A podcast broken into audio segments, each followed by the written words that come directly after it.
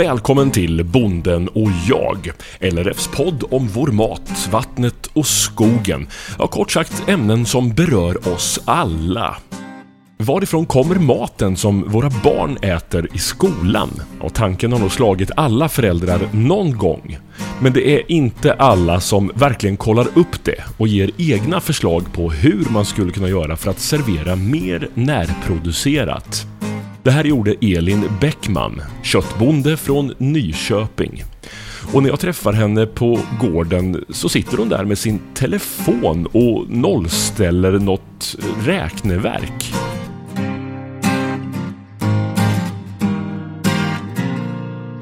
Vi har ingått i så här projekt, tids, tidsstudie, för att se hur mycket tid vi lägger på olika saker.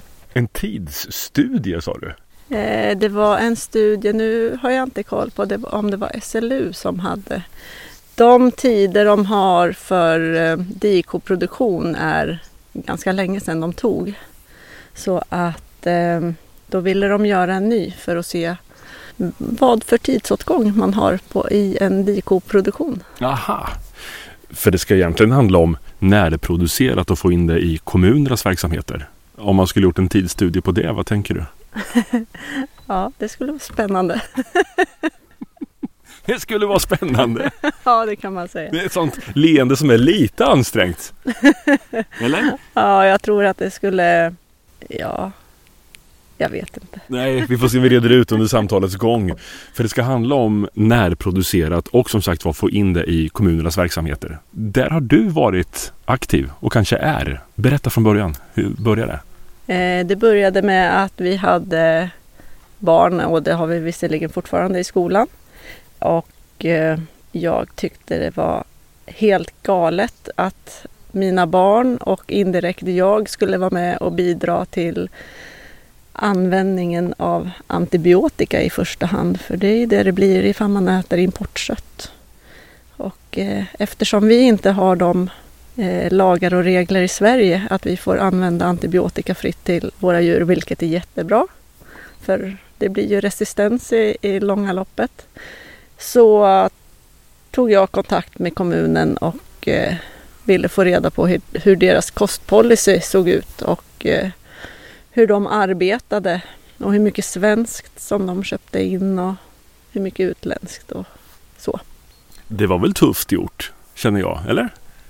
Det kanske jag tycker är en självklarhet, självklarhet. ja, för du, ni jobbar ju med djur själva. Berätta lite om gården här. Ja, vi har ju då en, det är min föräldragård som vi driver. Eh, vi har knappt hundra djur, dikor, som kalvar på våren och går med sina kalvar under sommarhalvåret. Och sen så säljs de flesta kalvarna vidare till annan lantbrukare för uppfödning på hösten. Eh, och sen har vi även lite tacker och lamm. Och då när barnen börjar skolan så ser du att, eh, ja, eller du undrar hur, hur ser maten ut här? Var kommer den ifrån? Det var där det började. Ja. Vad fick du för information? Mycket import. Nu har det visserligen ändrats ganska ordentligt de senaste åren för det här var, började väl för, vad kan det vara, fem år sedan kanske? Ännu längre sedan, sju år kanske. Mm. Och då var det ju stor del import, absolut. Och mycket kom från Tyskland, Polen, Polen och Irland av nötköttet i varje fall. Vad tänkte du då? Att det är dubbelmoral av kommunen. Först komma ut och kontrollera oss, att vi efterlever våra svenska lagar och regler med djuren och sen så importera sånt som vi hade fått djurförbud för. Jag tog kontakt med kommunen tog reda på deras eh, kostpolicy och eh, ifrågasatte hur mycket de importerade och ifall de kunde efterleva sin policy. Vad fick du för svar? Hur blev du bemött? De ansåg att de efterlevde policyn, men jag anser inte det. alltså går det att tyda den lite olika? Ja, det skulle man väl kunna säga. Och med tanke på att de bara har en trestegskontroll så nu är inte jag jätteinsatt i just den men som jag har fattat det så är det, räcker det med att de kan se tre steg eller följa tre steg tillbaks från det att de handlar och då tror inte jag att de hamnar hos producenten någonstans. Så att eh, det tyckte jag var lite missvisande med tanke på att köttet kom ju främst från Tyskland, Polen och eh, Irland. Och eh, där har de ju helt andra lagar och regler än vad vi har här i Sverige. Och skulle vi producera efter de reglerna så då skulle vi få djurförbud, fängelse troligtvis. Så att jag tyckte det var lite dubbelmoral. Fakta från Livsmedelsverket.se insamlade siffror från 2018. Drygt en av tre kommuner köper i stort sett enbart in kött och fågelkött av svenskt ursprung. Få har uppgifter om ursprung när det gäller ost och vegetabilier. Många kommuner har inte kunnat ange livsmedelskostnaden för måltiderna i skola, förskola och äldreomsorg. Av de som har svarat anger ungefär hälften att de lägger 10 till 24 kronor på måltider i förskolan per barn och dag. När det gäller grundskolan är det vanligast att lägga cirka 10 till 14 kronor per lunchmåltid. Uppgifter om äldreomsorgen saknas i för stor utsträckning utsträckning för att kunna redovisas.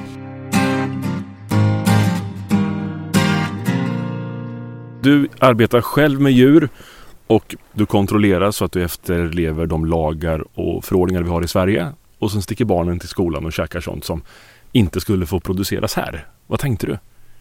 Att det är helt galet.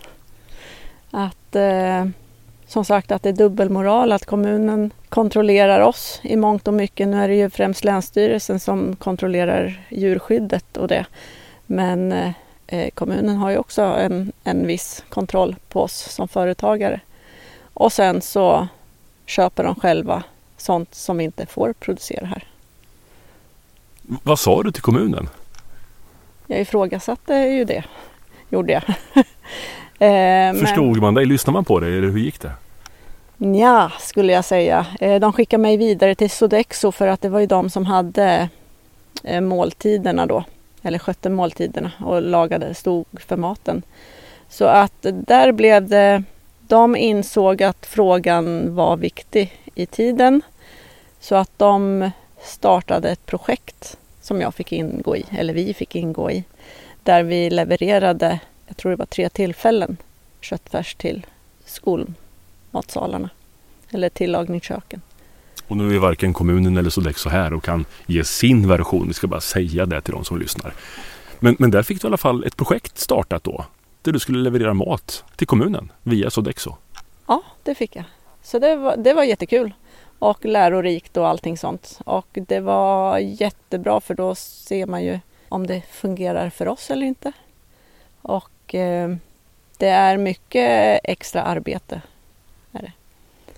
Det... Ja, berätta, vad ville man ha och vilka utmaningar ställdes du inför?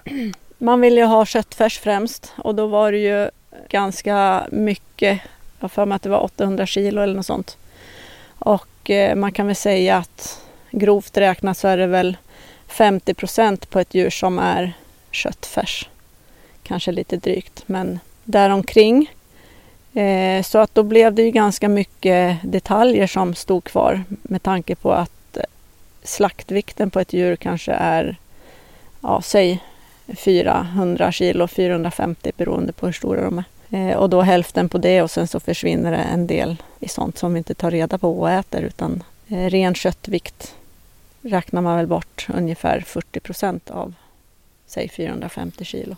Oj, så du stod med uppdraget att få leverera inte bara du eller 800 kilo, var det bara du som skulle fixa det? Det var bara vi. Det var bara ni ja. Och då kan man ju räkna med att det skulle gå åt eh, 16-1700 kilo djur. Eller? Räknar jag fel? Nej, det stämmer. Ifall man ska ta rätt på detaljerna. Ja, just det. Och hur gick det? Eh, både och ska jag säga. Eh, dels så, så tog vi rätt på, på de allra finaste detaljerna. För det är syndvärdigt att mala ner till färs. Ett djur har ju betydligt fler detaljer som man egentligen vill ta reda på. Eh, och eftersom vi inte har någon direkt kontakt med mm, vare sig butiker eller restauranger som kunde ta rätt på det där så blev det svårt. För stå med 500 kilo detaljer eh, i en liten gårdsbutik med privatkunder, det blir ganska tufft. Men vilket annorlunda läge! Du får en beställning på 800 kilo färs och så har du lika mycket andra fina så kallade ädla delar kvar då. Som ska gå någonstans. Hur löste du det? För skolan eh, och de kunde inte betala, ville inte ha de finare delarna, eller? Nej, det stämmer. Vid ett tillfälle så fick eh, Sodexo, hade de en egen restaurang som de drev, så att de tog detaljerna. Så att eh, då löste det sig där. Men andra tillfällen då blev det att eh, malde mer eh, och sen så sparade jag kanske filé, entrecote biff exempelvis och eh, sålde till mina egna kunder. Då. Ekonomiskt då gick det runt? Eh, vi räknar ju på det eh, så att eh, visst, det blev inte så mycket betalt som, som ifall vi säljer hela djuret till privatkunder. Absolut inte. Så är det ju. Och det är väl det som är det svåra och likadant att om man jämför för det man har att välja på ifall man ska leverera till kommunen det är ju antingen att kunna sälja i egen butik eller till privatkunder eller skicka direkt till slakt till ja, något större slakteri. Och jag menar då är det ju bara att lasta på djurtransporten och sen så efter någon vecka, 14 dagar så har man pengarna på kontot. Och då om man ska jämföra det så är det inte helt givet att det här att sälja till kommunen att det blir en större vinst. För att det blir så pass mycket extra arbete. Ja, för det var inte bara färdigt med att du skulle så att säga mala färsen. För maten skulle också ut till verksamheten. Eh, ja, det stämmer. Eh, och först var det ju ganska mycket planering innan vi skickade djuren. Och sen så var det även planering efter och att jag skulle hämta djuren med, eller köttet med våran kylbil på styckeriet och sen leverera ut till eh, skolköken. Så att eh, det räknade jag en dag med hämtning och transport och utlämning. Om vi bromsar historien lite här nu då. Från den dagen du tänker det här funkar ju inte att importera mat som mina barn ska äta när jag själv inte får producera det köttet på det sättet här för det är inte tillåtet. När du sitter och har kommit in i den här snurren och ut och levererar käket. Vad tänkte du? Ja, vad tänkte jag? Eh, att det är väldigt positivt ifall eh, kommunen får förståelse med vikten av att köpa, om inte lokalproducerat så i alla fall svenskproducerat. Och eh, dels för att djuren har eh, det är en bättre djurvälfärd i Sverige. Visst finns det rötägg som, där det fallerar men i det stora hela så är det ju bättre djurvälfärd och vi har betydligt lägre antibiotikaanvändning och det är ju jätte, jätteviktigt om vi ska ha en fungerande antibiotika för oss människor och djuren också i framtiden. Det var tankar i det stora hela det som du fick, men för din egen verksamhet och din idé att kunna köra käket från gården här till ungarnas skola. Hur gick det med det? Eh, för min egen del var det nog att det är mycket jobb för, för pengarna som vi får in. Att, vi, att kommunen måste hänga med i priset ifall det ska vara värt för oss producenter och leverera till kommunen. För att i dagsläget hänger de inte med prismässigt och då personligen kan jag tycka att det kanske är bättre att de köper från en grossist så att de i alla fall köper svenskt kött men till ett billigare pris för att då kan grossisterna få avsättning för, för de fina detaljerna och då får producenten förhoppningsvis ett högre pris i slutändan ändå. För jag måste ju fråga ändå, håller du på med det här fortfarande? Nej. Nej, det var dit jag ville komma lite. Vad var det som fick dig att, att sluta? Det var nog att eh, det fungerade inte ekonomiskt för Sodexo skulle jag nog säga att det blev för dyrt för dem. Har du en förståelse för det? Ja, jag har en förståelse för det. Absolut. Och eh, samtidigt som jag tycker det är lite synd för att jag tycker inte man ska snåla på maten för det är ju ändå det som vi behöver. Det finns mycket annat som man kan snåla på men just maten det behöver vi för, för vår överlevnad. Prata med Elin Bäckman utanför Ja, Nyköping säger jag, men det kanske inte är helt rätt eller? Jo.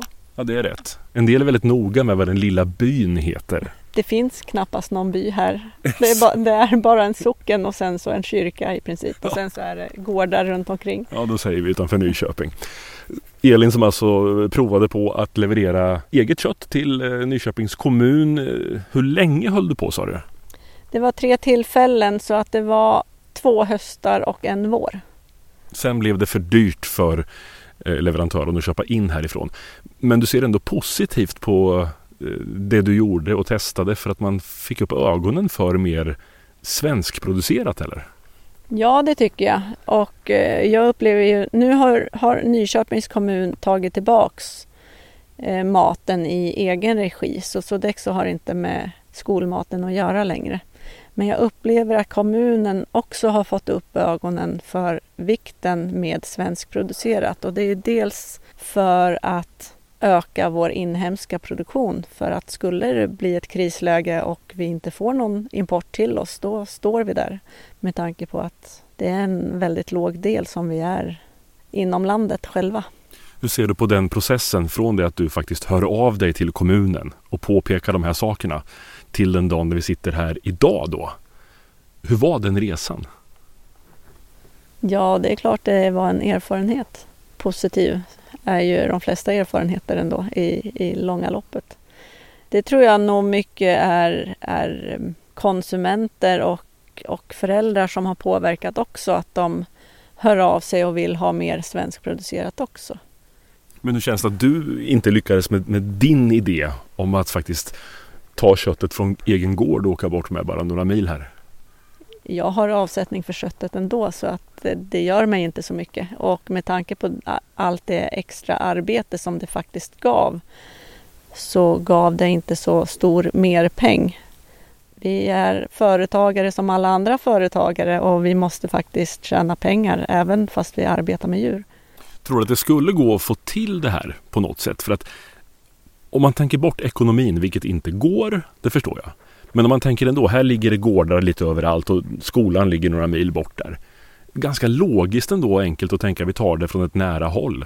Skulle det funka på något sätt att ta din idé men att ta den till nästa steg och utveckla den på något sätt?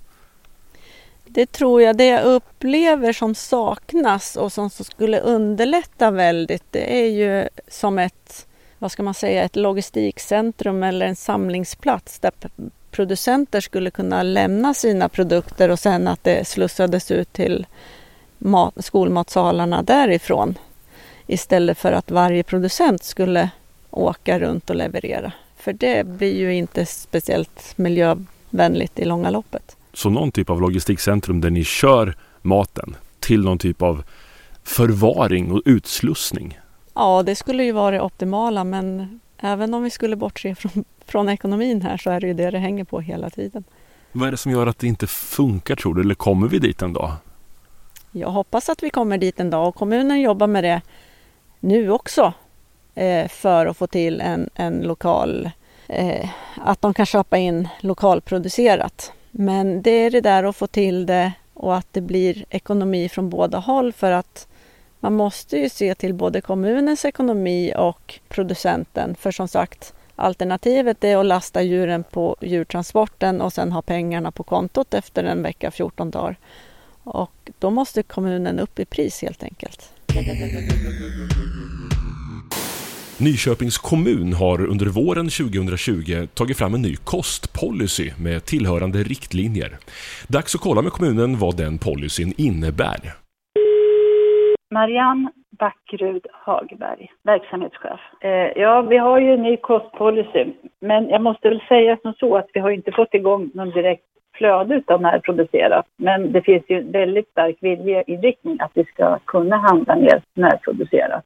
Vad är det som gör att det inte fungerar då? Inte har kommit igång? Vi har inte kommit igång. Jag kan väl säga som så att avtalen är inte uppbyggda riktigt på det sättet. Och sen så måste det finnas produkter som, som passar in i vår verksamhet. Och det är väl lite det vi försöker titta på i samarbete tillsammans med LRF. Och sen så ska det starta ett nytt projekt, ett LIDER-projekt där man ska titta närmare på det här, vad, vad som är möjligt. Vad ligger utmaningen i skulle du säga? Ja, lagen om offentlig upphandling den underlättar inte direkt det här, det kan jag säga. Så det finns ju, vi har i vår nya upphandling en viss del som vi kan handla lokalproducerat. Men ja, det är logistiken, det är den som inte fungerar. Vi måste få till en logistik som gör det här möjligt, så att det blir enkelt. Logistiken och lagen om offentlig upphandling, är det de två stora bitarna? Ja, jag tror faktiskt det. Ja, ja. Men om vi tar lagen om offentlig upphandling, där kan man ju påverka och föra in klausuler som säger att det ska vara närproducerat. Ja, en liten del kan man göra, men dock inte allt. Nej. man kan inte säga krav att vi ska handla allting närproducerat, för det, nej, då, då bryter vi mot lagen. Och till syvende och sist är det kostnaden det styrs av då, det blir för dyrt? Nej, nej, det, nej, det är inte alls kostnaden. Det är att man in, lagen tillåter inte det här, utan vi har en fri marknad i Europa. Det är därför vi är med i EU och då är det inte möjligt att göra på det sättet. Men det, ja, det har inte med priset att göra. Ni ska köpa det som är billigast ändå på något sätt, eller? Nej, nej, nu, nu lyssnar du inte på mig. Vi kan ställa absolut de kraven som svenskt jordbruk eh, ställer, eh, har liksom, i svenska lagstiftningen. Men eh, det är inte alls säkert att vi får ett svenskt lån. Och det har inte med priset att göra, för då måste man uppfylla alla de här kraven. Och det gör vi när vi handlar upp. Ja, man, att man har samma, eh, att man har samma eh, lagkrav i andra länder. Men jag ska säga också så här, vi har svenskt eh, kött och ja, svenska produkter har vi jättemycket. Jag tror säkert vi har 95 procent, 98 procent. Men eh, det är inte sörmländskt och inte utanför Nyköping, utan det är svenskt. Det kan komma ifrån Östergötland eller ifrån Jämtland eller vad vet jag. Ja. Så det är 95-98 procent svenskt kött ni serverar? Ja, i Nyköpings kommun så har vi till och med 99 procent, eh, procent svenskt kött. Ja. Och den där sista biten då, vad är det som handlas då? De ja, men då jo, ja, då, då handlas den eh, från, eh, jag kommer faktiskt inte ihåg vilket land det var, men vi har ställt precis samma krav och de eh, efterföljer svensk lagstiftning. Vad gäller eh, mejeriprodukter och andra inköp då, hur ser det ut där? Det beror ju lite på. Jag har inga siffror direkt. Jag, jag vet att vi köper svenska mejeriprodukter, för där har vi ställt de kraven också. Och vi har ju ställt de kraven när vi handlar eh, grönsaker. Här kan det ju vara att man Eh, grönsaker tror jag nog att vi kan få en del import faktiskt. Djupfrysta grönsaker. Mm. Det ser man ju till och med nu mitt i, mitt i Sverige, svenska sommar att vi får tomater från Holland och så vidare i butiker och så vidare. Hur många led kontrollerar ni ursprunget på de varor ni köper, både kött och grönsaker? Ja, vi kontrollerar ju bara våra närmaste led, sen är det upp till dem att kontrollera. Det är ju en kedja som är lite, ja, det kanske trög och den har ju inte varit lätt det har varit lite besvärligt nu den här våren med corona och allting med upphandlingsfrågor överhuvudtaget faktiskt.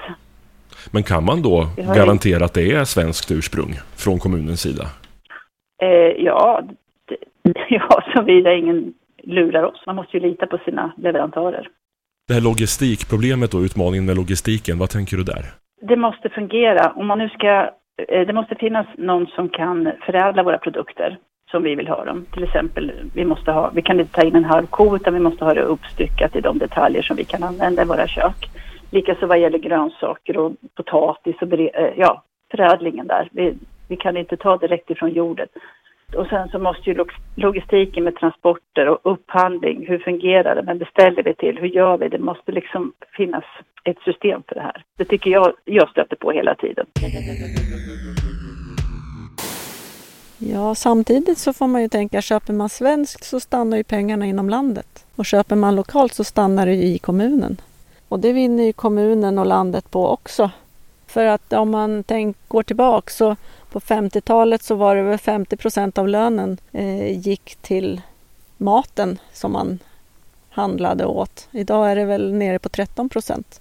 Men å andra sidan så har boendekostnaderna ökat så det, är väl, det har väl svängt där i princip. Så att eh, maten är ju alldeles för billig, både den svenska och den importerade. Eh, det är jättesvårt. Är det. Sen beror det ju på vad man som konsument prioriterar, om man prioriterar maten eller om man prioriterar den nya telefonen eller datorn eller den där utlandssemestern. Så det har ju, hänger ju på vad folk vill lägga pengarna på och, och, vad man tycker är värt. Jag tycker det är viktigt att ha bra mat att äta. Det är betydligt billigare arbetskraft utomlands exempelvis. De har inte samma pålagor, skatter och sådana saker som vi har här i Sverige. Eh, sen är det ju, om man ser till djuren, eh, extensivt uppfödda djur har ju en längre uppfödningsperiod än, än än eh, intensivt uppfödda och jag kan tänka mig att eh, det importerade köttet, det är väl ganska snabbväxande det som kommer hit. Eh, och sen är det ju dessutom det här att, att eh, importköttet, där har man ju kunnat haft betydligt fler djur på samma yta än vad vi har här i Sverige. Och eh, vi här hemma har ju dessutom ännu färre djur eh, än, än vad vi egentligen får ha för att vi tycker att det blir för trångt helt enkelt. Prata med Elin Bäckman som eh, har kämpat och fortfarande kämpar med att få eh, lokalproducerad eller i alla fall närproducerad eller svenskproducerad mat in i kommunerna. Är det någon skillnad tycker du här själv? Närproducerad, lokalproducerad, svenskproducerad? Närproducerad och lokalproducerad skulle jag väl säga att det är väl samma sak. Men, men samtidigt, vad är lokalproducerat? Är det med en mils radie eller är det hela Mellansverige för vår del eller vart är det egentligen? Det, det tycker jag är lite svårt att säga.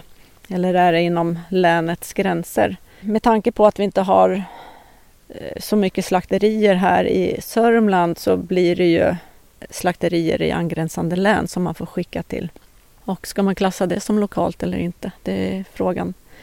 Eh, jag tycker ju själv personligen att det absolut viktigaste är svenskproducerat. Sen är det jättebra med lokalproducerat också, vilket jag tycker är bra om kommunerna strävar efter. Men för att göra det lättare så kanske man ska koncentrera sig på att det är svenskproducerat i första hand och sen kanske ta vissa produkter lokalt för att allt finns inte i vår egen kommun heller.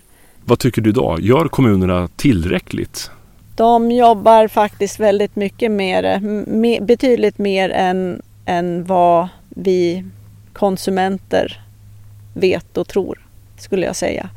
För att jag har kontakt med måltidschefen och eh, man hör och de får höra mycket negativt men de gör betydligt mycket mer positivt än, än vad som framgår. Vad saknas då enligt dig? Om någonting saknas? 100 procent eh, svensk kommer vi aldrig få för vissa varor får, har vi inte i Sverige överhuvudtaget. Det jag saknar, det kommunen borde tänka på det är att göra matsedeln efter säsong och kanske inte ha en given matsedel utan se vad får vi tag på den här veckan och vad kan vi göra av det? Det skulle jag hellre se än att ha en matsedel som är gjord för ett helt år framöver. För att det går inte att få svenskproducerat lamm eller sparris eller ja, päron eller så i mars-april. Och då behöver vi inte ens ha det i Sverige, eller? Inte i skolan i alla fall. Sen har vi ju, vi har ju givetvis har vi ju lamm på våren också, det har vi. Men inte till de priserna som skolorna kan betala. För att det ju, går ju mer till restauranger och finare butiker. Man får höra från många kunder, exempelvis köttet som jag har den största erfarenheten av nu. Man behöver inte äta samma mängd som av det importerade. Man blir mätt fortare. Så att det måste ju vara en viss skillnad där också. Ligger du på där också mot kommunen och, och pratar med dem om det här? Är det nästa steg nu? Säsongsanpassade menyer? Jo, men det har vi pratat om. Det har vi så att eh, förhoppningsvis tar de det till sig också. Ja, vad får du för reaktioner? Nej, men de, de förstår ju nog eh, tanken och problemet också när de får det, får det framfört om man säger så. Men det är ju alltid lätt att, att köra i gamla spår. Så är det ju för allihop skulle jag säga.